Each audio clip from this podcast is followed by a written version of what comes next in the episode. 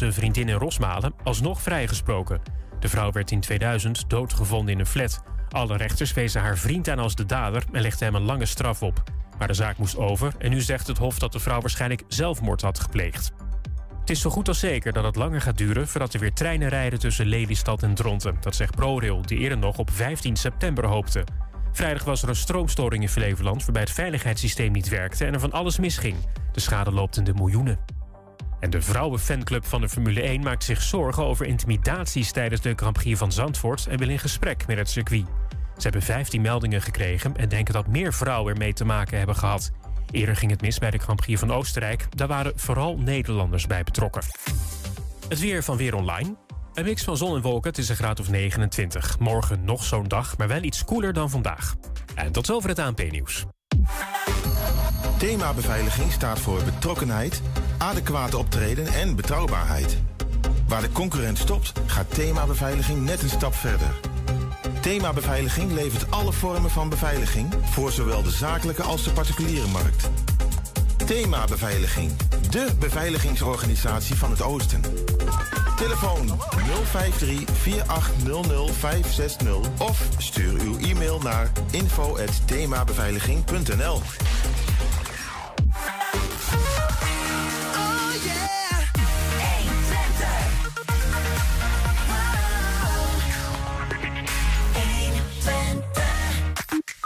150 kramen in een typische volkswijk. Het 18e Patmos Zomerfeest gisteren was warm en gezellig. Ja, de Kasbah is een opmerkelijke wijk met paalwoningen in Hengelo. Ja, benieuwd ja, je kunt er nu verschillende woningen, uh, in je uh, verschillende woningen wanen door een nieuwe 360 graden video die je met VR-bril kunt bekijken. Hoewel de winter nog ver weg lijkt, geeft voorlichtingsorganisatie Milieu Centraal nu al een aantal doe het niet tips als het gaat om alternatieven voor de dure gasverwarming. En in depot staat vandaag het teken van sigaretten en niet zomaar sigaretten, nee, amateursigaretten. Het is maandag 5 september en dit is 120 vandaag. 120. 120 vandaag.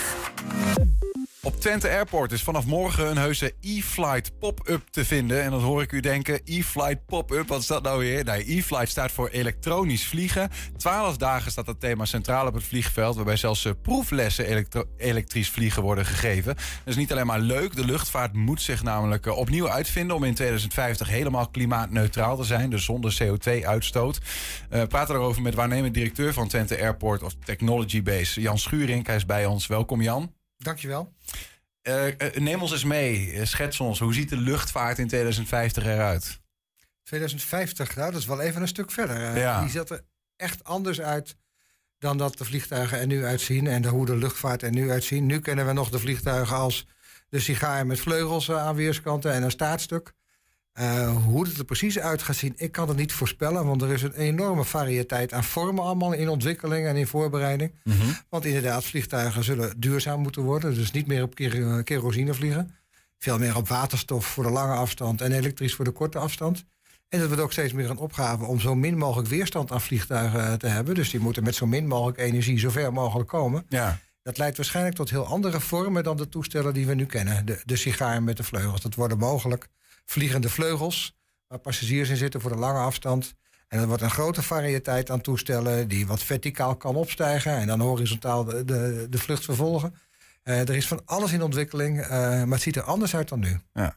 Nou, als we nu aan, aan Twente Airport denken, dan denken we niet meer aan uh, burgerluchtvaart. Dat is nee. uh, afgeschaft. Dat was uh, nou ja, financieel op een gegeven moment niet meer haalbaar. Bovendien begon er ook allerlei gedoe met geluid en aanvoerroutes, dat soort dingen te spelen in het verleden. Is er nog wel kleine zakelijke vluchten op Twente Airport en daar is Technology Base en alle, alle innovatieve bedrijven die zich daar vestigen.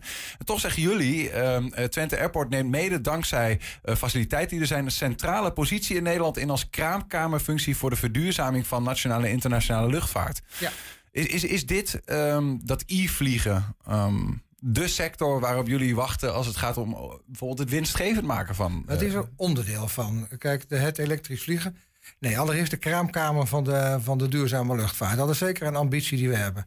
Ik zei net al, de vliegtuigen gaan er anders uitzien. Krijgen andere brandstof, krijgen andere motoren, andere vormen. Er komt onbemand vliegen komt, uh, heel sterk in ontwikkeling. Het gaat er dus anders uitzien. En al die nieuwe vormen moeten getest worden, moeten gecertificeerd worden. Je moet een heleboel uh, diploma's hebben als vliegtuig voordat je mag vliegen, om zo maar te zeggen. En al die nieuwe toestellen, de prototype waterstofvliegtuigen, die moeten ergens kunnen testen. Dat kan niet op een gewone luchthaven, mhm. want daar is heel veel verkeer. En als er een, een, zo'n vliegtuig crasht, dan moet al het verkeer uitwijken. En wat is het unieke van Twente Airport? Dat er heel weinig verkeer is. Dat is ons grootste nadeel. Maar dat kunnen we als ons grootste voordeel ombuigen door juist die testfaciliteiten. Waar overal naar wordt gezocht naar luchthavens waar dat kan, om dat hier aan te bieden. Ja. En dat kan heel goed in combinatie met steeds meer elektrisch vliegen, met af en toe een zakenvlucht, met af en toe wat vliegtuigen parkeren. Dus dat is echt de grote kans van, uh, van Twente Airport. Blijft het, blijft het bij die kraamkamerfunctie en bij het testen? Of is het misschien wel een droom om te kijken van... kunnen we echt dat vliegen weer op die manier ook terughalen naar onze... Het is allebei, het is NN. Uh, eh, je zult de eerste jaren, heeft die testfunctie heel veel kans, heel veel kans van... omdat er de komende 10, 15 jaar heel veel ontwikkeld moet worden, wat getest moet worden. Op een gegeven moment is het een keertje uitgetest en dan kan het gaan vliegen. En we verwachten zeker op een termijn van 10 jaar dat die grote variëteit aan nieuwe vliegtuigen elektrisch vliegtuig is daar, vliegen is daar een heel groot onderdeel van. Mhm.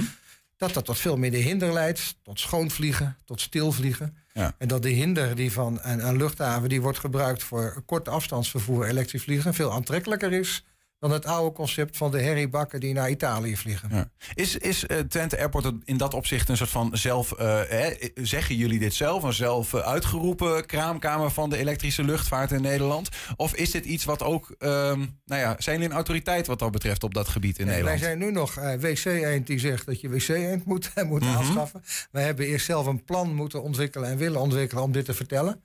Dat moet de komende maanden door bestuur en door raad en staten ook omarmd worden. En het is zeker de, de voornemen en in de planning staat dat ook om dan het verhaal te gaan vertellen. Wat gebeurt er al wat dat betreft? Ja, dit is een onderdeel ervan. Maar wat, wat, wat, wat, gebeurt er al op het Er wordt al veel getest op de luchthaven. NLR, het Nationaal Lucht- en Ruimtevaartcentrum, een groot instituut in Nederland. Die is een beetje de, ja, de grote kennisorganisatie is voor de luchtvaart. Die heeft al heel veel opdrachten van opdrachtgevers om nieuwe toestellen op onderdelen te testen. Zoals bijvoorbeeld de aanvliegprocedures. Moet je van heel hoog en dan heel snel naar beneden. Of moet je heel langzaam dalen. Wat, wat, wat kan je daarvan leren? Mhm. Die worden al gedaan op Twente Airport. Af en toe zijn er meerdere dagen is de luchthaven dicht. Omdat zo'n NL, eh, NLR-toestel daar al die testen doet. En niet alleen NLR, NLR-toestellen. Ook TUI-toestellen, andere toestellen die door NLR worden ingekocht om die vluchten te doen. Dus er wordt al veel getest. Maar die hoeveelheid testen zal alleen maar toenemen. Door die enorme innovatie die zich aandient. Ja. Nou, een onderdeel van die, nou ja, het, het, op de kaart zetten van Twente Airport als het gaat om e-vliegen en de mogelijkheden die het vliegveld daarvoor biedt, hè, die ruimte die er gewoon is. Uh, dat, dat is nu dan de, de komende twaalf dagen die e-flight pop-up. Ja. Waar hebben we het eigenlijk precies over? Er, zit nog een, er komt een e-flight academy uh, bij kijken. Er is in Teugen, uh, daar zijn ze heel knap al een aantal jaren bezig om dat elektrisch vliegen daar te promoten. Er is daar ook een het, eh, het, eh, het DEAC heet dat daar. Het Dutch uh, even, ja, ik weet niet eens meer precies waar de afkorting van is. Maar het Centrum voor Elektrisch Vliegen, zeg ik maar even heel simpel. Ja. Is daar allemaal in ontwikkeling. de e-flight is daar ook van afkomstig. Er hebben al een aantal vier toestellen. Pipistrel zijn dat kleine toestellen. Eigenlijk kleine sigaatjes met vleugels, zoals het toestel wat we kennen. Een kleine Cessna. Maar dan met een elektromotor, dus die mhm. stil is. Uh, die kan iets van uh, een klein uur in de, in de lucht blijven. En daar kunnen hoeveel afstand legt hij dan af? Nou, hoeveel? Nou, ik geloof iets van uh, 200. Ik weet dat niet precies ja, eerlijk gezegd. Ja. Maar dat toestel dat wordt nou enige tijd gaat vliegen op Twente Airport om de vliegclub die er zit, de piloten die daar zitten en die een diploma hebben om te mogen vliegen, ook een, zeg maar een, een, elektrische aantekening te geven, waardoor ze ook gecertificeerd zijn en een diploma hebben om elektrisch vliegen. Want dat is anders. Het is anders om een elektromotor. Die is veel stiller, ja, krachtiger. Eh, andere, heeft een ander gebruik. Ik kan niet uit ervaring spreken. Ik ben geen piloot. Maar alle verhalen die ik hoor, is dat een elektrisch toestel. Zoals een Tesla anders rijdt dan een, benzinemotor, uh, vliegt een elektrisch vliegtuig anders dan een uh, benzinevliegtuig, mm -hmm. kerosinevliegtuig. En dat moet je leren. het zijn andere knopjes natuurlijk. Je hebt veel minder metertjes, je hebt veel minder het dashboard ziet er anders uit, om zo maar te zeggen. En dat moeten die piloot ook weer leren. En ja, het is onvermijdelijk dat, de, dat elektrisch vliegen, net zoals de auto's, eh, die gaan elektrisch worden. Mhm. We hebben nu nog allemaal, uh, de vliegclub heeft nu nog, hoe heet het, brandstofmotoren.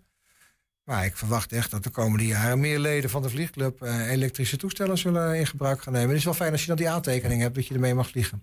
Ja, dus betekent dat ook komende twaalf dagen dat er piloten van eh, andere, bij, ik noem maar eens wat, de KLM bijvoorbeeld naar het vliegveld hier komen om te zeggen van ik hou mijn aantekeningen alvast? of is dat niet per se... Uh... Die vraag kan ik niet beantwoorden, maar het is wel vooral een beetje gericht. Er is ook een contact gelegd met de vliegclub hier in Twente. Ja, ja. En maar of er ook piloten uit van andere luchthavens uh, ook in Twente die licentie kunnen halen, dat weet ik niet. Dat zou zomaar kunnen. Goed, dat, dat is dan best wel op, op ja, piloten gericht. Dat, dat is maar aan een klein deel van ons gegeven als we het al wilden.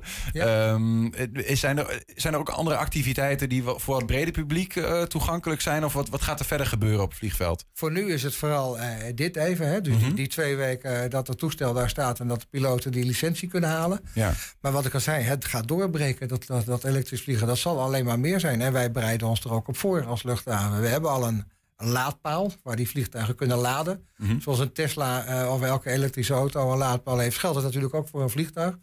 Want die kan maar, uh, nou wat ik zei, 50 minuten vliegen. En dan, dan moet je wel weer kunnen laden. En niet naar Teugen eerst, dat daar de enige laadpaal in Nederland staat. Ja. Uh, en uh, ja, we gaan dat meer doen. en wat daar precies wanneer en wel, op welk moment in het jaar nodig is, dat gaan we tegenkomen de komende jaren. Hoe snel gaan die, die ontwikkelingen eigenlijk op, op dat vlak? Snel. In, in Teugen, wat ik hoor, is dat ze ook overvallen zijn en, en verrast zijn dat zo snel die vraag ook toeneemt. Ze hadden eerst één pipistrel uh, toestel. Uh, de initiatiefnemer die daarmee begonnen is, heeft er nu al vier. Dat is sneller gegaan dan wat hij zelf. En die zijn allemaal volgeboekt. Die zijn, ja, uh, ja ik weet niet hoe lang het duurt voordat er nummer 5, 6 en 7 komen. Kan zomaar snel gaan. Ja. en dat gaat dus ook op Twente Airport komen. Want wat, zijn dan, als je het hebt over hè, die, die weg naar 2050 en de ontwikkeling van het elektrisch vliegen, wat, wat zijn de drempels waar mensen in die industrie tegenaan lopen? Nou, een paar dingen. Het zijn vormen van het toestel. Hè, zoals dat, wat ik, ik noem het die pipistrel. Dat is eigenlijk een kleine Cessna, zeg ik maar even. Zoals je die kleine uh, benzinevliegtuigen kent. Zes persoons ongeveer, zei je? Nee, twee persoons. Twee persoons zelfs, sorry. Dat zijn kleine toestellen en met een, uh, met een elektromotor... Die, waardoor je 50 minuten in de lucht kan, kan blijven. Ja. Die zal wat groter gaan worden. Dus dat is de klassieke vliegtuig met vleugels... waardoor je met snelheid de lucht in gaat. Die zullen groter worden, dat er meer passagiers in kunnen.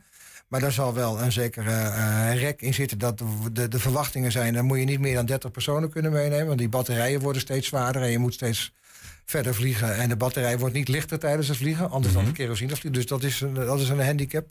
De vorm is bepalend. Uh, naast die met vleugels heb je allerlei toestellen die verticaal opstijgen, waar een enorme rijkdom aan, uh, aan soorten is. Uh, kan ik niet voorspellen. Dat gaat zo snel ja. wanneer het er is. Dat zijn de toestellen die blijven voor een deel op propellertjes in de lucht. Maar er zijn er ook die klappen dan een vliegtuig uit, een, vleugel uit. En die gaan horizontaal verder. Ja. Uh, dat is echt onvoorstelbaar wat daarvoor. Uh, ik zou de, de luisteraars willen oproepen, is te gaan googlen op uh, eVTOL. Dat staat voor dus EVTOL, afkorting. Ja. dat staat voor elektrisch opstijgende vliegtuigen. Nou, als je dan kijkt wat je aan aanbod hebt aan plaatjes, wat je al ziet, dat is echt een, uh, een bijzondere wereld die op ons afkomt. Ja, ja. Dus ik ga er geen voorspelling over doen. Nee, ja, ik, ben, ik, ben, wel heel benieuwd. Eh, een beetje getriggerd ook. Want ik denk ook van ja, nou ja, oh, met in het achterhoofd dat het burgerluchtvaartvliegen toch wel een beetje is afgeschaald. Ook wel vanwege, nou ja, uh, misschien wel geluidsoverlast en CO2-uitstoot. Stikstof hebben je mee te maken op dat vliegveld. Dat speelt allemaal niet meer bij deze vliegtuigen. Uh, ja, hoe, denk, hoe, denkbaar is het dat uh, dit soort vliegtuigen uiteindelijk toch weer burgerluchtvaart mogelijk zal maken? Zeer aannemelijk is het dat uh, het elektrisch vliegen een steeds grotere markt gaat bedienen. Voor de kortere afstanden moet ik erbij zeggen. Mm Het is niet denkbaar dat je ooit met batterijen naar, naar Amerika kan vliegen. Voor de lange afstanden zal waterstof veel meer de brandstof van de, de toekomst zijn. Zijn die daar ook mee bezig? Uh, nou, wij zijn zelf alleen maar luchthaven. Wij ontwikkelen natuurlijk geen uh, vliegtuigen. Maar juist ook voor die prototypes aan waterstofvliegtuigen bieden wij een ruimte aan om te kunnen testen. Maar weten die jullie te vinden? Wordt daarmee gewerkt? Je weet dat wij zijn ons nu, als even een beetje in voorbehoud van al die keuzes die ik net al zei, die dit, dit, dit jaar moeten vallen, ja. zijn wij al bezig om ons in internationale tijdschriften te presenteren als uh, de internationale kraamkamer voor verduurzaming van de luchtvaart voor dit soort testen. Ja. Wat heeft er eigenlijk een, een, gemiddelde Enschedeer? Zeg maar? wat, heeft, wat heeft hij daar eigenlijk aan dat jullie daar zo op die manier mee bezig zijn? Heel veel. Het is, ah, het is altijd aantrekkelijk om, om, de, de, om de verbinding uh, als, als Enschede, als Twente, moet ik eigenlijk zeggen, met de rest van de wereld te houden. Als al die toestellen er komen en goedkoper worden en schoon en stil, dan vergroot het ook de, de connectiemogelijkheden om ergens snel naartoe te komen. Uh, het is natuurlijk ook een ontwikkeling die kan leiden tot is een hoogtechnologische ontwikkelingen. Nou, we mhm. hebben hier een UT, we hebben een hoop knappe koppen in opleiding. Qua nieuwe materialen en stromingsleer en vormen van toestellen kan daar ook allerlei kennis worden ontwikkeld die ook zich verbindt aan die ontwikkelingen in de luchtvaart. Ja, en er zijn natuurlijk ook, we hebben ook een bedrijventerrein gelegen naast de luchthaven. Allerlei nieuwe dingen die je moet kunnen maken. Daar is daar ruimte. Zijn, kunnen we hectares uitgeven. Kunnen ook handen kunnen aan het werk en kan er geld verdiend worden. Als ik het eh, zo, zo hoor en ook wel een beetje voor me zie, dan, dan is eigenlijk, eh, heb je alle goede kaarten om, om, om die kraamkamer te zijn. Ja. Dan is het bijna in mijn hoofd soort van ondenkbaar van hoe bestaat het dan dat een plek als Technology Base, Twente Airport, nog steeds moeite heeft om de eindjes aan elkaar te knopen. Je zou toch zeggen, ja, die internationale luchtvaart gaat superveel geld in om. Hè, die moeten allemaal uh, verduurzamen, want het spul is nou ja, een van de meest vervuilende dingen wat er, wat er bestaat, vliegen op dit moment. Hoe, hoe, ja, hoe, hoe kan het dan dat dat dan toch lastig is? Uh, nou, hier, hier spreekt ongeduld uit deze vragen. Dat ongeduld is ook gigantisch groot in mijn persoon. Ja. Want waarom duurt het zo lang? Dat heeft ook alles te maken met uh, besluitvormingsprocedures. Wij zijn, uh, de luchthaven is eigendom van de gemeente Enschede en van de provincie Overijssel. Mm -hmm. Um, het is allemaal belastinggeld wat ontwikkeld wordt. Wat, wat wordt er toegepast om die ontwikkelingen mogelijk te maken? Ik snap heel goed dat de politieke partijen, zowel in Enschede als in de Staten van Overijssel, wel echt zeker weten, willen weten dat dit ook kansrijk is. Dat dit ook geld gaat terugverdienen. Dat het niet een bodemloze put is waar nog meer geld in gaat. Dus dat wij een goed verhaal moeten vertellen. Of moeten ontwikkelen. Hebben we tijd voor nodig gehad ja. om dat te vertellen, uit te rekenen.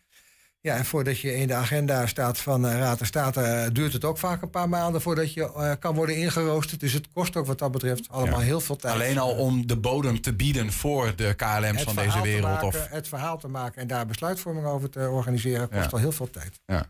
En uh, grote onrust is, ook mij, uh, is bij mij ook aanwezig. Want ik wil niets liever dan zo snel mogelijk te gaan investeren en doorontwikkelen. Ja, snap ik. Uh, veel geduld gewenst, maar ook niet te veel nee, daarin. Nee, geen geduld. geen geduld gewenst. en vooral um, ja, veel bedrijven en um, innovatieve projecten die zich bij jullie willen vestigen. Om iets in dat e-vliegen te gaan doen. Um, in het invliegen en in het testen en in het maken van dingen. Ze zijn allemaal van harte welkom op Twente Airport. Ja, en de komende twaalf dagen dan, uh, nou ja, dan is dat heel concreet zichtbaar met uh, ja. de e-flight pop-up daar. Jan Schuring, dankjewel dat je er was. Graag gedaan. Zometeen, hoewel de winter nog ver weg lijkt, geeft voorlichtingsorganisatie Milieu Centraal nu al een aantal doe het niet tips als het gaat om alternatieven voor een nogal dure gasverwarming. En we zijn ook als podcast luisteren via alle bekende platforms. Je vindt daar de hele uitzendingen en elke dag één item uitgelicht. 120. 120 vandaag. Ja, in de oud-arbeiderswijk Patmos in Enschede was gisteren het Patmos Zomerfeest. Bij uh, deze markt, die uitgestrekt over verschillende straten in de wijk werd gehouden, had jong en oud een warme, maar vooral gezellige dag. Dit is de mooiste markt van Enschede. Ja? Ja, echt waar. Ja? We staan hier nu voor, ik, ik denk voor de vijfde keer. Ja. Maar dit is geweldig. Ik denk dat we wel een kraam vol verkocht hebben. Heel gezellig. Ja, Vandaag, toch? eh, goed verkocht. Lekker weertje bij. Vanaf hoe laat zijn jullie hier al dan? Half zeven.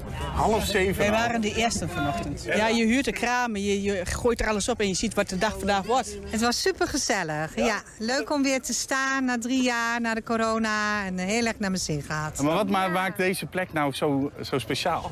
Ik denk toch wel de mensen, de wijk, die leuke woningen hier en de hofjes. Dat eh, zie je niet zoveel meer. Ja. Dus, eh, het lijkt net een dorpje op zich in een grote stad. En heeft hij zelf ook nog even over de markt gestruind? Ja, natuurlijk. Ik kom er meer thuis dan ik ben gekomen. Is het huis ook wat leger? Ik er niet. Nee? Nee, ik maak hem weer voller. Nee, ik ben de goedkoopste. Jullie zijn er goed Wij zijn de goedkoopste hier. Tuurlijk. Er hoeft geen winst gemaakt te worden als het maar gezellig is. Dat bedoel ik. Wat verkoop je dan zoal? Alleen maar porselein. Vaak is het mensen die wat missen van het servies. En dat kunnen wij dus eh, dan aanvullen. Wat verkopen jullie precies? 3D-geprinte eh, fidgets, eh, speeltjes, eh, diertjes. En, ja, dat wordt allemaal gemaakt met een 3D-printer. Ja? Nou, dit is wel een van de grotere dingen. Er zijn de draken, het is heel gedetailleerd eh, wat je hierin ziet. En eh, ja, hier doet de printer ongeveer een eh, 12 uur over om dit eh, te printen. Ja. En dit zijn eh, ook dingen die heel goed eh, bij de kinderen vallen. De Ja? draak. En het, eh, het is heel flexibel, dus eh, dat doet het ook altijd goed. En hebben jullie ook gespeeld hier? Ja, Ja? natuurlijk. Hoe ging dat dan? Ja. Ja, dat was dus gisteren uh, op uh, de Padmans Zomermarkt... waar ik jou ook pardoes tegenkwam, Niels. Jazeker, ja, ik stond er met een stand. Uh, wat, wat verkocht je zo al? Ja, ik niet zoveel, mijn vriendin wel wat.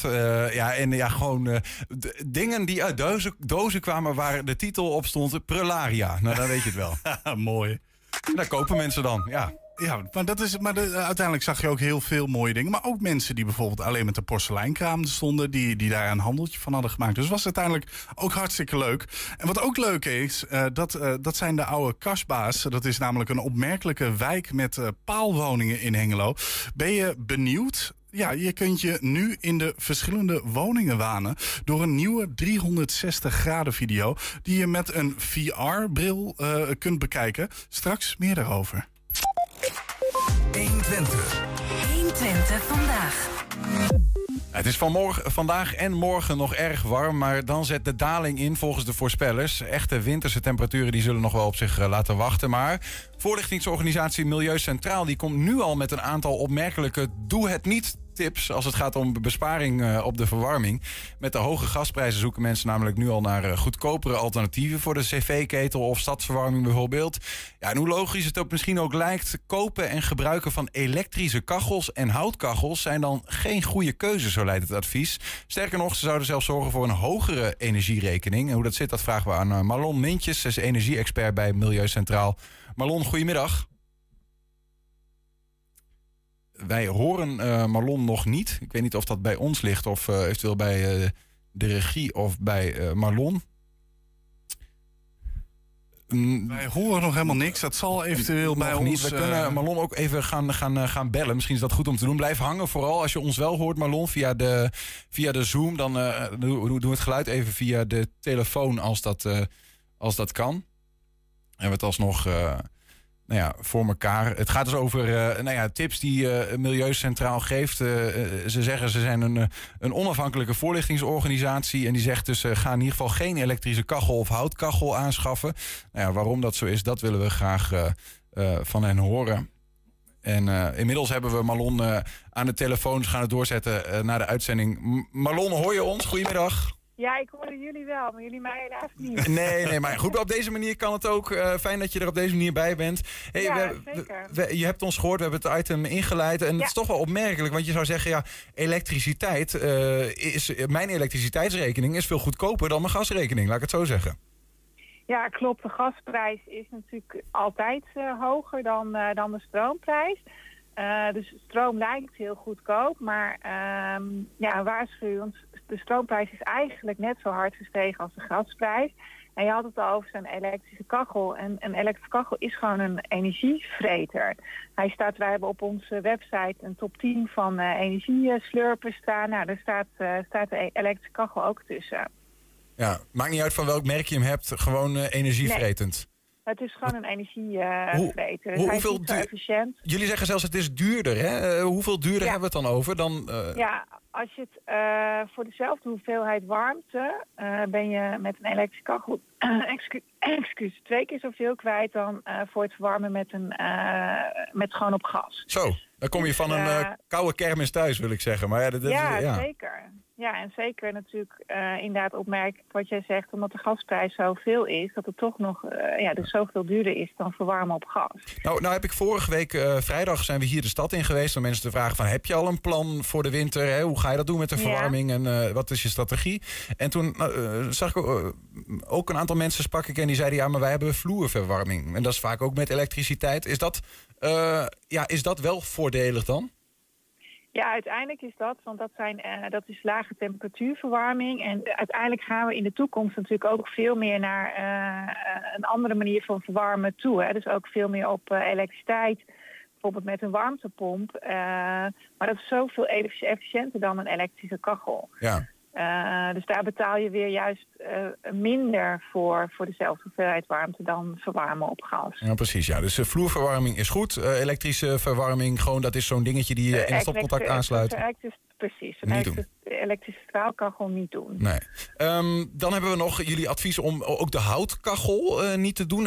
een houtkachel is dan gewoon bijvoorbeeld een open haard? Een, ja, een open haard of ja, je hebt tegenwoordig ook andere soorten houtkachels. En ehm, ja, om, om, om meerdere redenen raden wij die af. Allereerst om de fijnstof die er vrijkomt. Dat is slecht voor je eigen gezondheid, maar ook die van, van de buren. En zeker mensen met gezondheidsklachten zoals astma, die moeten heel erg oppassen met een, met een houtkachel. En daarnaast is deze vorm van verwarmen ook duur. Ook de hout, het hout wat je ervoor gebruikt, is duurder geworden.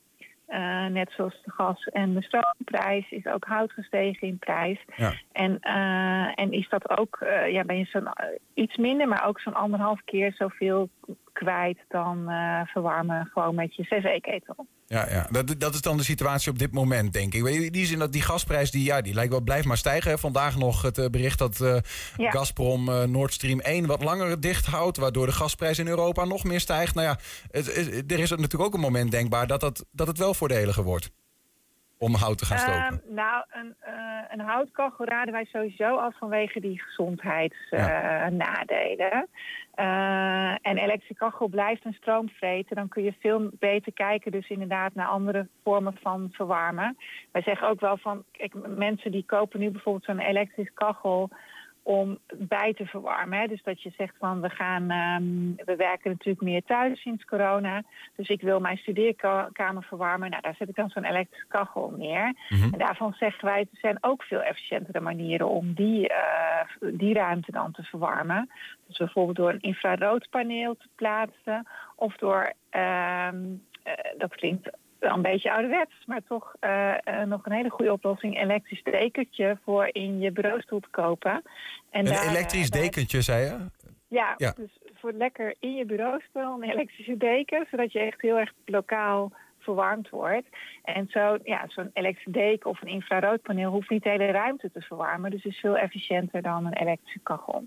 Hey, van wie krijgen wij dit soort uh, gratis tips eigenlijk? En, en ook die, die adviezen, hè, om even jullie onafhankelijkheid uh, te checken. Ja. Van, wat is Milieu Centraal voor club? Ja, wij zijn een voorlichtingsorganisatie. En uh, we staan volgend jaar al 25 jaar. En 25 jaar lang geven wij al onafhankelijk advies aan de consument specifiek over duurzaam gedrag. Uh, duurzame tips over ja, hoe je net even iets duurzamer kan, uh, kan leven. Dat doen we op energiegebied. Mm -hmm. uh, maar ook bijvoorbeeld over afval of over voeding.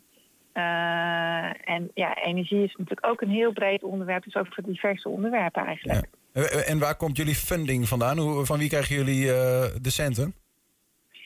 dat, dat is divers. we zijn ooit opgericht door, door het ministerie van, van Vrom.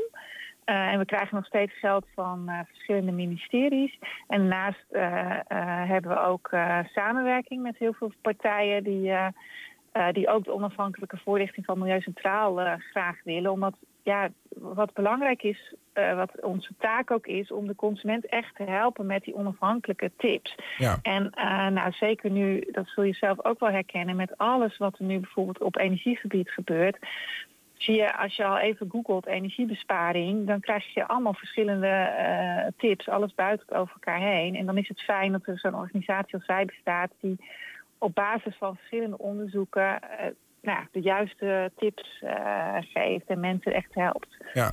Maar en dat, tot... vinden, de, ja, dat vinden de overheden belangrijk, maar ook, ook verschillende bedrijven.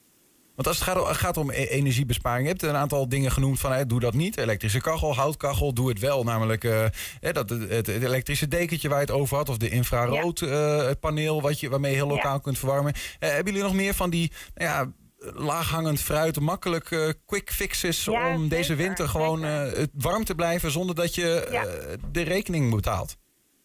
Ja, nee, nee, absoluut. Uh, er, zit, er, zitten natuurlijk ook tips bij. Uh, nou, zoals, je kunt ook letten op je eigen gedrag. Hè? Dus kijk goed van, uh, kun je misschien toch nog die verwarming een graadje lager zetten... door nou ja, een extra dekentje op de bank of een elektrische deken aan te schaffen... zodat je verwarming iets lager kan zetten. Mm -hmm. Kijk ook goed van, um, heb je in alle ruimtes wel echt de verwarming uitstaan...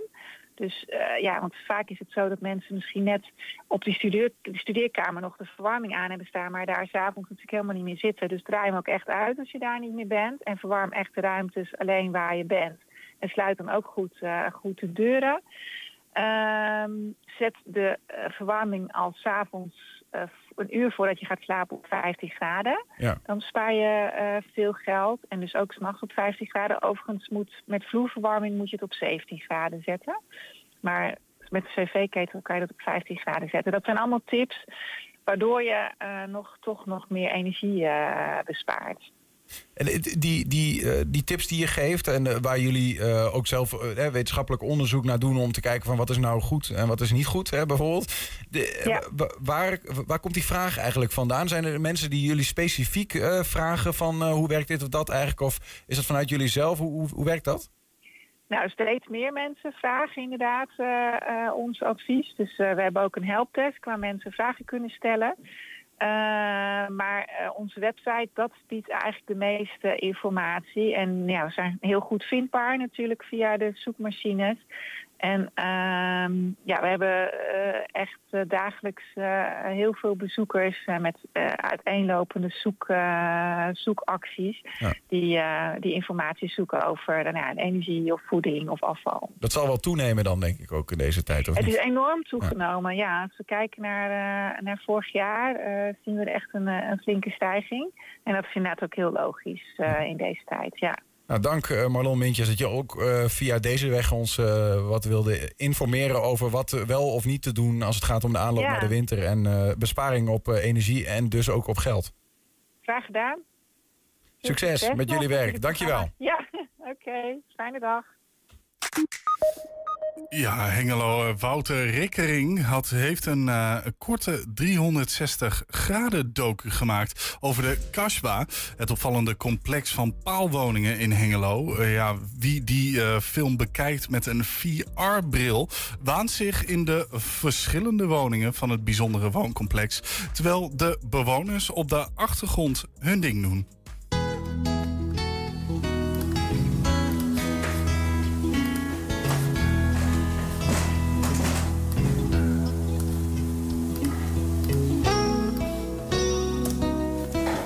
Hallo, ik ben hier bezig met een video van het BAM Festival. Die heb ik onlangs afgerond. En daarvoor ben ik druk bezig geweest met een video van het mooie Kasbah-complex. Ehm, corona begon, ik had weinig te doen. Ik wou toch 360 graden video's maken. Dat deed ik eerst ook nog een beetje voor festivals zoals hier. Ehm, en toen kwam er eigenlijk een klein gat... waarbij ik een oud project van de plank kunnen pakken... En dat is, eh, de Kasbah is een keer goed in de 360 graden filmen. Zodat je ook over 10, 20, 30 jaar nog eens een keer kan kijken hoe het er hier toen uitzag.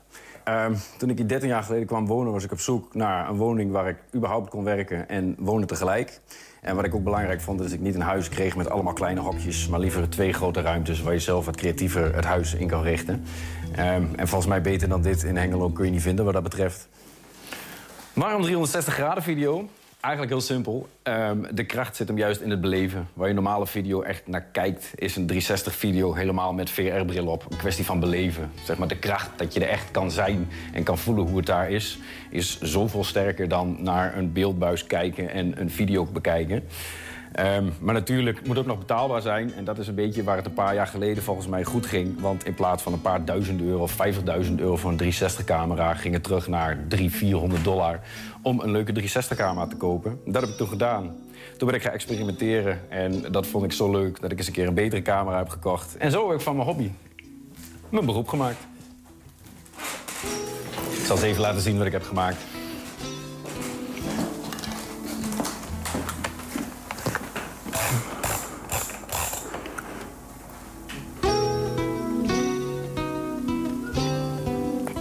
Niet kijken, maar beleven. We kijken nu bij Yvonne binnen. Yvonne heeft een gewone woonkamer. Hier zijn we bij mijn achterburen. Die hebben een mooie achterkamer. Maar eigenlijk is het gek om te vertellen wat ik hier zie... als de kracht van dit medium juist is om zo'n bril op te hebben... en daar te kijken wat je ziet. Het doet het niet... eh, het, doet het, het doet het geen... Hoe zeg je dat? Het doet geen eer aan. En eigenlijk hetzelfde als mensen het op de telefoon bekijken. Het is leuk dat iedereen zo'n mobiel in de zak heeft... en dat je hem ook op mobiel zo om je heen kan kijken. Maar het staat in het niet met de beleving van zo'n bril. Ik had eerst ook scènes gemaakt zonder mensen in beeld... maar dan wordt het een hele saaie bedoeling. Dus ik heb uiteindelijk wel mensen gevraagd... je hoeft niks te doen, je hoeft niet te acteren... je hoeft alleen maar te doen wat je normaal ook doet. Kijk, deze man is ook gewoon zijn normale werk aan het doen. Ehm, om toch een beetje het beeld van nu hier vast te kunnen leggen. Anders is het meer een architectonisch plaatje en nu is het ook nog een verhaal over mensen. Extra mooi is natuurlijk dat de Kasbah over 1, 2 jaar 50 jaar bestaat. Dus het leek mij wel eens mooi om het project dan eens goed aan te pakken. De Kasbah te laten zien, haar bewoners, de huizen en de verschillende inrichtingen hier. Nou ja, om uh, scènes op te nemen moest ik natuurlijk langs bij mensen. Uh, wat blijkt, in de Kasbah zitten een heleboel creatievelingen. En ik heb niet alleen uh, ateliers opgenomen en muziekstudio's. Maar het leuke is dat er een verscheidenheid van je welste is aan de woningen. Zo gaan we van hypermodern tot en met schommels in slaapkamers... tot en met één huis wat eigenlijk nog helemaal in originele staat is... in vergelijking met 50 jaar geleden. En ook die val zal verbouwd gaan worden. Dus ook die zal er nieuw uitzien straks. Dus ik denk dat dit wel een mooi moment was om die originele staat nog één keer vast te kunnen leggen. Ja, zoals ik zeg, de kracht van het medium is niet kijken, maar beleven. Alsof je er bent. En ik leef nu, ik moet het nou vastleggen. Over een jaar of wat, een half jaar, of eigenlijk nu al zijn ze bezig met een grote verbouwing hier. Dus zal alles er ook weer een beetje anders uitzien. Andere kozijnen, andere dakpannen. Speeltoestel is alweer weg. Um, en al die dingen hebben we nou vastgelegd. Um, ik denk dat straks veel meer mensen zo'n bril hebben. Dus over 10, 20 jaar zou je dan in theorie terug in de tijd kunnen gaan... om deze video te kijken, om te kijken hoe toen de tijdsgeest was in de kastbaan. Hier, kijk zelf anders even. Om de tijdsgeest zo goed mogelijk te vangen... heb ik eigenlijk ook geprobeerd om de Esplanade, het centrum van de Kasbah... de vier seizoenen zo mooi mogelijk weer te geven. Dus we hebben een lente, we hebben een zomer, we hebben een herfst en we hebben een winter. Maar naast de buitenbeelden heb ik natuurlijk ook veel beelden binnengemaakt... van de meest bekende Kasbah-woningen of de slaapschuur en de woonkamer. Maar uiteraard natuurlijk ook gewoon van buiten... Want ja, die hoort er ook bij. Ehm, misschien kunnen we straks buiten wel even gaan kijken wat er nou al veranderd is. Want dit staat allemaal al in de stijgers. Dus dan kun je gelijk zien dat het uh, niet stil staat hier. Dus laat maar even gaan.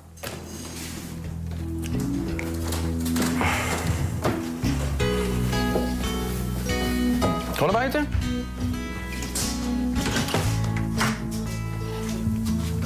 Hier zie je ze druk aan het verbouwen. Als het goed is, is het over een jaartje, anderhalf klaar. Dan zal het er allemaal weer een beetje anders uitzien. Met houten kozijnen en wat meer isolatie. Maar wil je het filmpje of wil je de kastbaar zien en beleven hoe het nu is? Ga dan eens naar YouTube en zoek eens op Kasbah Hengelo Leven op Palen. Dan moet je mijn 360 video wel kunnen vinden. Zet vooral een VR-bril erbij op. En wil je het een keer door een goede VR-bril zien, kom gerust een keertje langs. 120. 120 In een schouwburg kun je nog zoveel mooie voorstellingen programmeren. Als mensen de drempel niet overdurven, ja, dan blijft het eh, preken voor eigen parochie. In Hengelo komt de schouwburg daarom naar de mensen toe. Komend weekend is er het wijkfestival Berflow S met een programma voor en door de wijk. Bedenker is Linda Koeze, stadsprogrammeur van het Hengeloze Theater. Linda, welkom. Dankjewel. Schouwburg on Tour, zo heet het geloof ik. Ja, Schouwburg Hengelo on Tour. Schouwburg Hengelo on Tour. Uh, wat gaan de mensen allemaal uh, meemaken in de wijk? Uh, we gaan voor een weekend een buitenpodium neerzetten in, in de wijk Berflo S. En daar gaan we een heel mooi festival programmeren. We beginnen met een buitenfilm. Mm -hmm. Bohemian Rhapsody. dus... Queen. Queen, precies. Uh, en uh, de volgende dag, zaterdag, hebben we een heel uh, programma met programmering van zowel uit de Schouwburg. Dus er komen artiesten die wij ook in de Schouwburg zouden hebben, als, of als Schouwburg zouden programmeren. En daarnaast is het podium ook voor de wijk. Dus wijkbewoners, wijkverenigingen die zich ook willen presenteren aan de wijk, staan samen met artiesten van de Schouwburg op dat podium. Ja. En is het echt zo, zoals ik heb gezegd in de intro, dat de nood zo hoog is dat mensen het schouwburg niet meer weten te vinden dat je maar naar ze toe komt? Of is dat ook wel een beetje too much gezegd? Uh, nou, we hebben gelukkig uh, een, een, heel mooi publiek in de schouwburg. Uh, maar ik denk dat het altijd beter kan. En we vinden dit een hele mooie idee om ook eens de wijken in te gaan. Ja. En wat je, zou, je zou bijna zeggen, ik, of dat nog steeds zo is, dat kun je denk ik beter, weet jij beter dan ik. Maar dat de Schouwburg theaters wel moeite hebben om de zalen weer vol te krijgen sinds corona. Is dat nog steeds zo? Uh, nou, de, tot de zomer was het inderdaad uh, in theaterland breed. zag je de tendens dat de, de kaartverkoop nog niet terug was op het, op het niveau van voor corona. Ja. en ehm, het gaat nu goed. We zijn niet ontevreden. Nee. maar het wordt misschien. Maar het is nog niet op het oude niveau. Het is, nou, nee, het ze moeten ook nog echt beginnen nu. Hè? Dus we, onze eerste voorstelling is aan half september. Ja. Dus dan krijgen we wat beter inzicht. Mensen komen nu terug van vakantie, zijn in de zomer natuurlijk met allerlei andere dingen bezig geweest. Ja, ik zeg, maar ik zeg, ik, ik zeg het ook om, omdat de eerste editie van dit wijkfestival is voor corona. Dus het is niet per se dat het een soort van oh, nou ja, um, oplossing is om na corona de mensen weer naar binnen te trekken. Nee, nee, nee, nee zeker niet. Nee hoor, dit, uh, dit idee was er, uh, was er uh, toen corona nog helemaal niet bestond. hadden wij de eerste editie van het Wijkfestival. Het was ook de bedoeling dat deze editie in Berfloes in juni 2020 zou plaatsvinden. Daar hadden we toen al. een jaar na de andere wijk waar het ja, plaats had gevonden. Precies, want die was in augustus 2019. Ja. Ja. En, uh, uh, dus we, ik had toen al met alle partijen om tafel gezeten. En dat hebben we twee jaar moeten uitstellen, helaas. Ja. Als je, als je, want, want daar was jij ook verantwoordelijk voor, hè? Ja. Die, die eerste editie in de ja. Hasseler S 2019. Ik begreep zelfs dat je ervoor aangesteld bent om dit uh, project op poten te zetten. Klopt dat? Of? nou, ik ben in februari 2019 als projectleider stadsprogrammering begonnen. Mm -hmm. En dit is wel een van mijn, ja, dit is mijn grootste project. Ja. ja. Dus ik ben wel aangesteld om te kijken wat kunnen wij als Schouwburg uh, nog meer voor, uh, de, echt voor de stad betekenen? Ja, en als je, als je dan ja. daarop terugkijkt, hè, dat het project in 2019, um, waarom was dat zo succesvol dat jullie weer een nieuwe editie wilden hebben? Um, het was heel succesvol omdat de, de, in, bij Cultuurhuis Hasselo hebben we dat toen gedaan. Uh, daar zitten al heel veel uh, verenigingen die daar uh, wekelijks een dansles hebben of muziekrepetitie hebben. daar is een culturele commissie zelfs. En die, ja, die wilde heel graag zich op dat buitenpodium ook presenteren. Mhm. Mm -hmm. dus er was veel animo voor. Ja. En ook uit de wijken, er kwamen allemaal mensen aangelopen ook. Hè? Dus het is juist als je buiten staat in een groot podium. We zagen de mensen die langs fietsten. Ja, die stopten dan even om te gaan kijken. En dat was juist de, de bedoeling. Uh, om ook de, de mensen die normaal niet bij de vereniging of in het theater komen. Ja, op zeker. een of andere manier erbij te halen. Ja, ja, ja, ja. ja. ja. Maar dat, en werkt dat ook door dat uiteindelijk die theaters. Nou ja, toen ook corona, maar goed, ja. dat het dan dat die mensen ook echt naar het theater komen? Uh, nou, uh, ik kan je geen aantallen geven hoeveel uh, bezoekers dat uh, ons als Schouwburg heeft opgeleverd. want nou ja, daarna werd het dus vrij stil. Ja. Um, ik weet wel dat bij de verenigingen die zich toen op dat podium hebben gepresenteerd, die al direct wat nieuwe aanmeldingen hebben gekregen uit de wijk. Dus dat, dat is natuurlijk wel heel erg leuk. En uh, daarvoor, daarnaast is het voor ons ook gewoon belangrijk om je overal in de stad uh, te laten zien. En uh, dat is zeker wel gelukt. Is dit, is dit een, een, een blauwdruk die nou ja, ergens anders vandaan komt, elders in het land? Gebeurt dit meer? Of is het een ding echt van de Schouwburg Hengelo? Dat je dacht, nou, let's go for it. Um, ik heb het, nou, voor zover ik weet, niet, niet op deze manier. We hebben het in ieder geval uh, die, uh, zelf bedacht. Het was niet dat Ja. we een andere of een, of een, eh, een editie eh, van een andere stad daar eh, als inspiratie hadden. Nee. Want ik, ik zit ook even te denken, als, als het dan op een gegeven moment wordt het 2020, dan wil je in de Bergflow S gaan doen, waar je dat nu dan gaat doen. Nou, dan komt corona, dus dat is allemaal ingewikkeld in de theaters. Maar juist buiten kon er van alles. Eh, ja, toen denk ik nog niet. Nou, het is een, het was, is een festival, hè? En festivals zijn, dat is wel eh, de, de, de branche die als eerste stil kwam te liggen Hmm. eh, bij corona. En als laatste weer open mocht. Ja, oké, ik neem mijn woorden Ja. terug. Juist buiten kon er helemaal niks. Dus, ja, ja. Ja, toch gek. Ik zit, zit me dat nu weer te bedenken. Eh, eh, eh, buiten was dan het idee, nou ja, dan zijn we wat meer lucht en zo. Maar goed, daar heb je geen gebruik van, van kunnen maken. nee, wat dat nee daar hebben we echt geen gebruik van kunnen maken. Nee, Nee, nee, nee. nee, Maar wat heb je dan gedaan? Wat, wat, je, je, je was ingevlogen van, nou, om dit dan voor- vooral ook handen en voeten te geven. Ja? En, en dat kon niet. En dan? Of wat ik in die twee jaar Ja. gedaan heb? Oh, nou, ik doe nog meer, behalve dit wijkfestival. Nee, ja, we konden natuurlijk als Schouwburg eh, een hele tijd eh, veel eh, minder. Maar er waren behoorlijk wat ballen die we in de lucht moesten houden. Want elke voorstelling die dus niet meer door kon gaan vanwege lockdown of met maar 30 man in de zaal of op anderhalve meter of met de capaciteit van 75 procent. We hebben echt allerlei variaties gehad. We moesten natuurlijk bij elke voorstelling op, op, opnieuw bekijken hoe we die nog binnen de uh, coronamaatregelen wel of niet door konden laten gaan. Ja. En dat was niet alleen onze stem daarin, we lieten ook zeker het gezelschap aan het woord van wat kunnen jullie spelen, willen jullie spelen?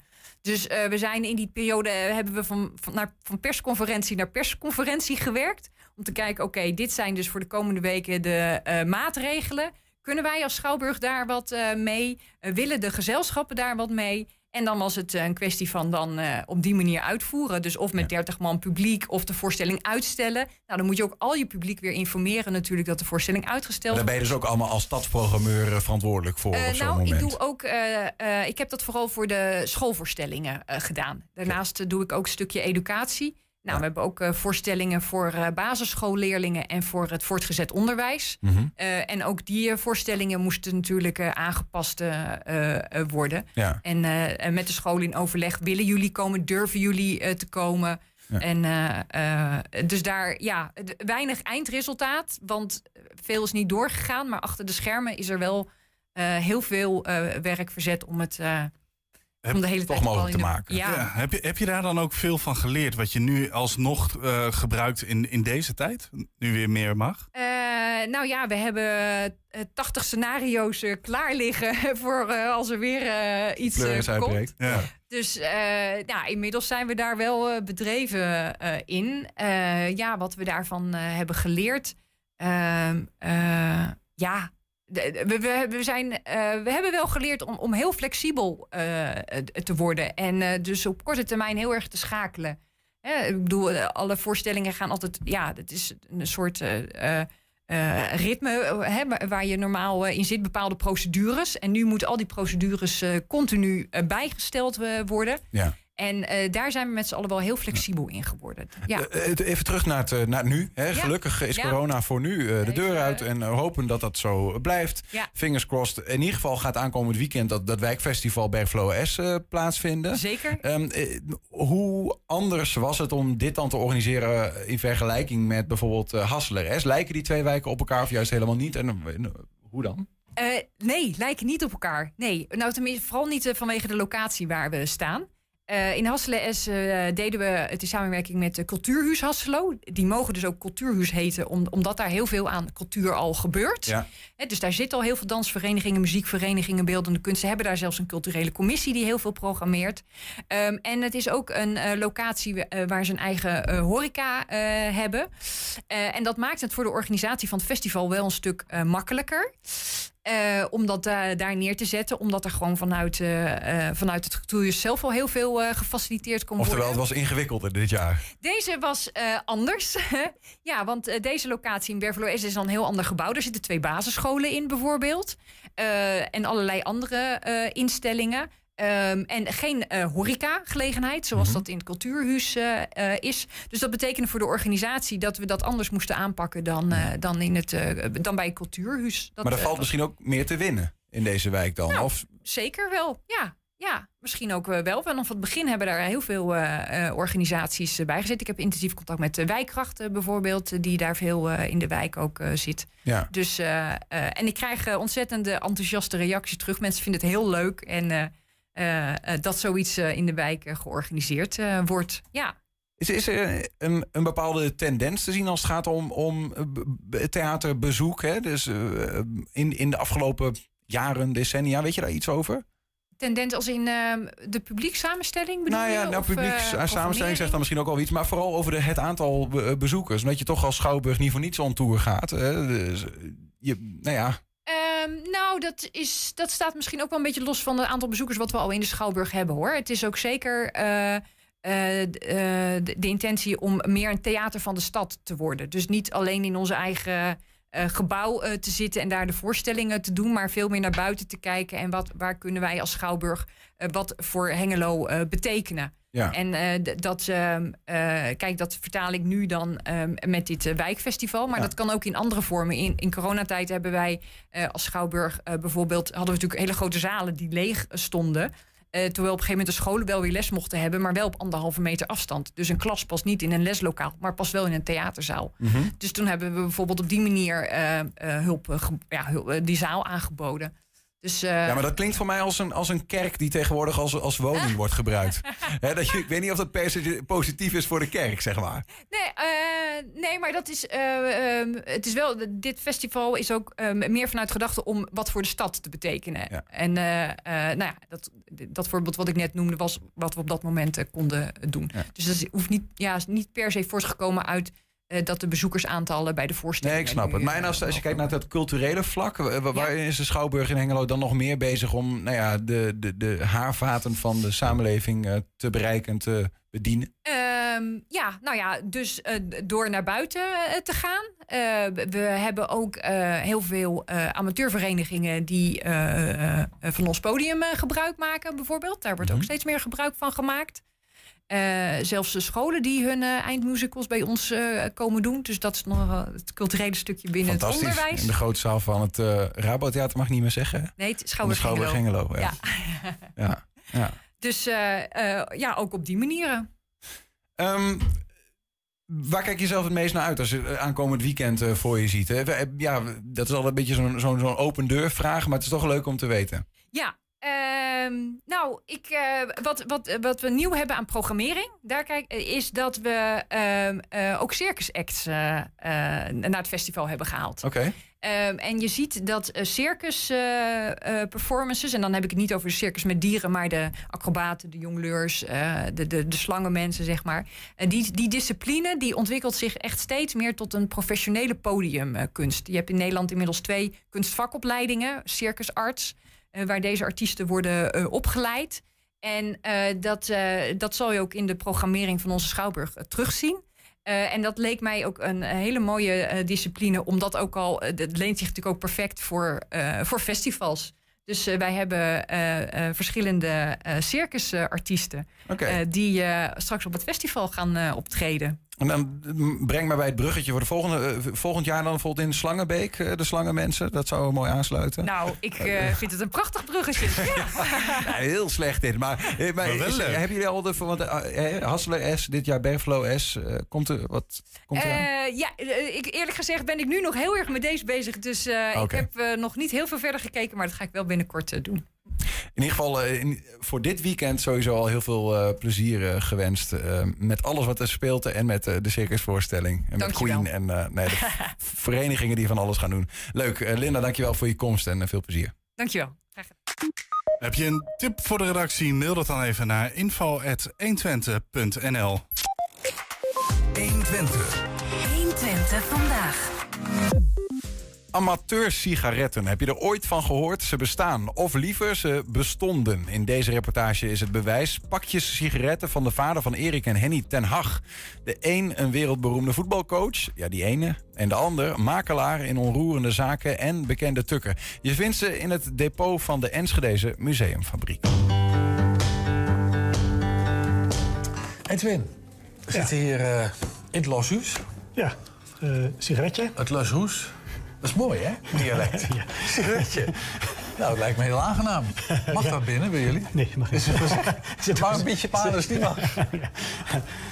Maar die hebt sigaretten meegenomen? Ja, ja sigaretten. Ja. Van het merk, althans die staat amateur op het pakje. Amateursigaretten, ja. ja. En het, het aardige is, ik heb deze gekregen van Henny ten Hag.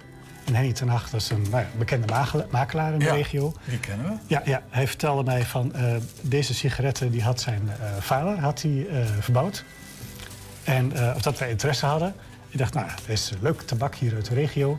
Maar natuurlijk, wat natuurlijk extra leuk maakt, is dat uh, uh, zijn, zijn, zijn zoon die heeft natuurlijk wel grote bekendheid gekregen nee? als voetbaltrainer. Erik ten Hag. Ja, ja, precies. Ja, we hopen dat hij het goed vol gaat houden daar in Manchester. Want dat is ja. de vraag natuurlijk. Ja. Maar ik hoor jou zeggen, dus dit is van de opa van Erik ten Hag. Ja, precies. En Henny ten Hag. Ja. Die noemen we er ook even bij. ja, Twee beroemdheden in deze streek en daarbuiten. Ja. En, maar dit zijn, want er staat amateur op. Jij zegt dit is tabak dat is gekweekt ja. hier in Nederland. Ja, ja, ja, ja. Dat is wel, dat is wel uh, uh, vaker gedaan. Want toen tabak hier geïntroduceerd werd... Uh, het is een tropisch product. van, ja, ja, ja, ja, ja, maar het doet het, goed, Indonesië, doet het wel goed op zandgronden op zich, tabak. Het, heeft, het is niet heel ingewikkeld gewas. En in de buurt van, van Veenendaal heb je nog een hele grote tabakschuren en zo... waar vroeger de tabak wel gedroogd werd. Echt wel op industriële schaal werd in Nederland tabak verbouwd. En, maar dat was meestal... Uh, niet veel geur meer aan. vooral pruimtabak en zo. Dat, oh, was, dat, dat, is wat, wat veel... die gewoonte hebben we gelukkig na de oorlog uitgestorven. Maar deze sigaretten zijn, door dan is het onleesbaar, hoppelijk even vervaardigd uit inlandse tabakken die ons ter verwerking door amateurtelers ter beschikking is gesteld. Dus ja. amateurtelers? Ja, hij vertelde, zijn, uh, zijn vader, die uh, heeft het dus verbouwd.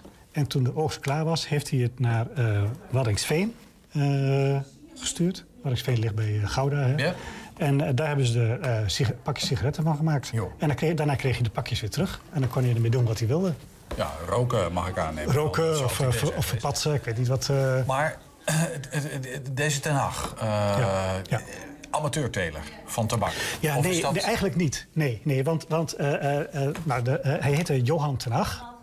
En hij was in, in de jaren 30, 1932, was hij bij de Landbouwcrisisorganisatie. Uh, okay. 1932. 1932. 1932. Ja. Dus en zijn crisisjaren. Ja, en zijn taak was, zijn eerste taak was om graan en aardappelen ongeschikt te maken voor menselijke consumptie. Hè? Ja, wonderlijk. Ik weet ook niet waarom. Je weet niet waarom? Nee. Maar we hebben het over de jaren 30. Ja, crisis. Crisis, iedereen had honger. Uh, werkloosheid. En meneer Ten Hag moest graan en aardappelen ongeschikt maken voor menselijke consumptie. Ja, ja wonderlijk. Ja, ja, nou, dat is meer dan wonderlijk. Ja, dat vonden we. Ja. Maar dat was natuurlijk na de oorlog uh, ook zo'n periode van wederopbouw. Hè? En uh, er moest voedsel, ook, ook toen, moest voedsel geproduceerd worden. Dat is ook de periode van de mechanisatie, maar van ook de schaalvergroting. Ja, ja. Zit, zit daar nog net voor eigenlijk. Hè? Ja, dit, dit zit hier net voor. Dus zit, je, soort... je, moet, je moet je voorstellen, uh, merendeel van het tabak kwam uit Verenigde Staten, ja. Nederlands-Indië.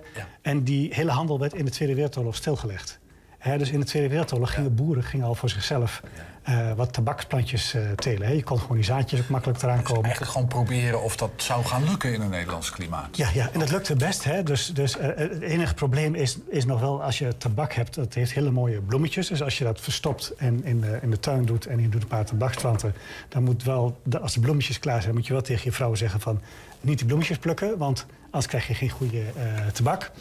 um, uh, maar je kan gewoon tabaksplanten voor jezelf. En, maar het, het, het, uh, het maken van rookbaar tabak is best wel lastig. Met het fermenteren. En je moet fermenteren, bepaalde omstandigheden. Je moet het drogen, fermenteren. Um, ja, dat, daar heb je wel wat, wat, wat, wat meer investering nodig om echt goede tabak om te roken ja. uh, te krijgen. En uh, er zijn hier in de regio wel initiatieven geweest. Dat maakt het ook eigenlijk te wonderlijk dat het naar Waddingsveen gestuurd is. Want er waren in Enschede en, en Haaksbergen best wel bedrijven die gespecialiseerd waren in het drogen van tabak. En ook wel in het maken van sigaretten. Ja. In Haaksbergen zat gewoon een sigarettenfabriek. Okay. Dus het is heel wonderlijk dat hij als landbouwconsulent eigenlijk. Ja, helemaal uh, zelf tabak is gaan, uh, gaan verbouwen. En dat hij dit naar Warringsveen heeft gestuurd om hier sigaretten van te maken. En niet in Haaksbergen, waar hij zelf... Ja, misschien heeft hij wel gekeken van wat maken ze daar, wat is het product dat terugkomt. Hè? Dat kan best dat je kijkt van wat doet de concurrentie. Prijs-kwaliteit dingetje, weet het niet. Hè? Ja. Maar het, zijn, uh, het is vrij kort hierbij snel doorheen. Het is een kort sigaretje. Ja, ja ik weet niet. Een hele donkere tabak valt me op. Ik, ik heb nooit gerookt, dus ik maar weet het niet. Eigenlijk heeft hij dit nu als als een soort proef om te kijken? Of, of heeft hij dit voor zichzelf? Wat, weet ja, je dat, weet, dat wist hij niet ten ook nee. hij, hij wist alleen maar van dat zijn, dat, zijn, dat zijn vader had dit, had dit verbouwd. Ja. En uh, er waren nog een paar pakjes in de familie. En hij drukt het met de handen van, is dit leuk voor jullie? ik zei, weet je nog meer van? Nee, verder wist hij niks van. Er zit wel een verhaal aan. Ja, ja. En, en bij deze Ten Hag, dat vertelde hij net even in, het, in het voorgesprekje... die heeft Haaksbergen, Eibergen, maar op een gegeven moment ook Enschede. Die heeft een heel, heel rayon waar allerlei boeren zaten. Is die, is, is die, van advies, uh, ja, ja. Eibergen niet trouwens, wel Haaksbergen en Enschede. Oké, okay, eh, Haaksbergen en Enschede. En hoeveel boeren waren dat? 2300. Zo. Ja. ja. Dus daar uh, was hij adviseur van. Dus uh, ja, best een belangrijke taak. Ja. En hij had een boerderijtje waar hij zelf ook nog wat boerde. Misschien wat experimenteerde met dit soort dingen. Ja. Ja, noorden van Haaksbergen. Ja, mooi. Nou, de grootvader van Erik uh, ten Hag, die, ja. uh, dit zijn zijn sigaretten. Of hij ze zelf heeft gebruikt, weten we niet zeker. Dat zouden we moeten navragen. En wat ik toch een wonderlijk verhaal vind... is dat uit de jaren 30 dat hij aardappelen en ja. uh, granen... Ja. ongeschikt moest maken voor menselijke ja. consumptie. Inclusiviteit. Ja. Dat is bizar. Ja. Met dank aan grootvader ten Hag. Ja, leuk. En aan Edwin Plokker, dankjewel. tot zover. Eén ding nog wat wij er toe willen toevoegen. wij raden het roken op de eerste plaats en het eten van snijmais ten eerste af. En met die wijsheden sluiten we 120 vandaag af. Terugkijken, dat kan direct via 120.nl en vanavond om 8 en 10 op televisie te zien. Zometeen kun je op de radio gaan genieten van Henk Ketting met de kettingreactie. Veel plezier. Henk Ketting. 120. Weet wat er speelt in Twente. Met nu het nieuws van 5 uur. Goedemiddag, ik ben Michiel Frazenstorm. Het OM biedt excuses aan voor het leed van de man die onterecht veroordeeld was voor de dood van zijn vriendin in Rosmalen. Ook komt er een gesprek over een schadevergoeding. De man heeft altijd ontkend en is opgelucht dat het Hof hem wel gelooft. Twee jaar geleden werd de zaak heropend. Nieuw onderzoek wijst uit op zelfmoord.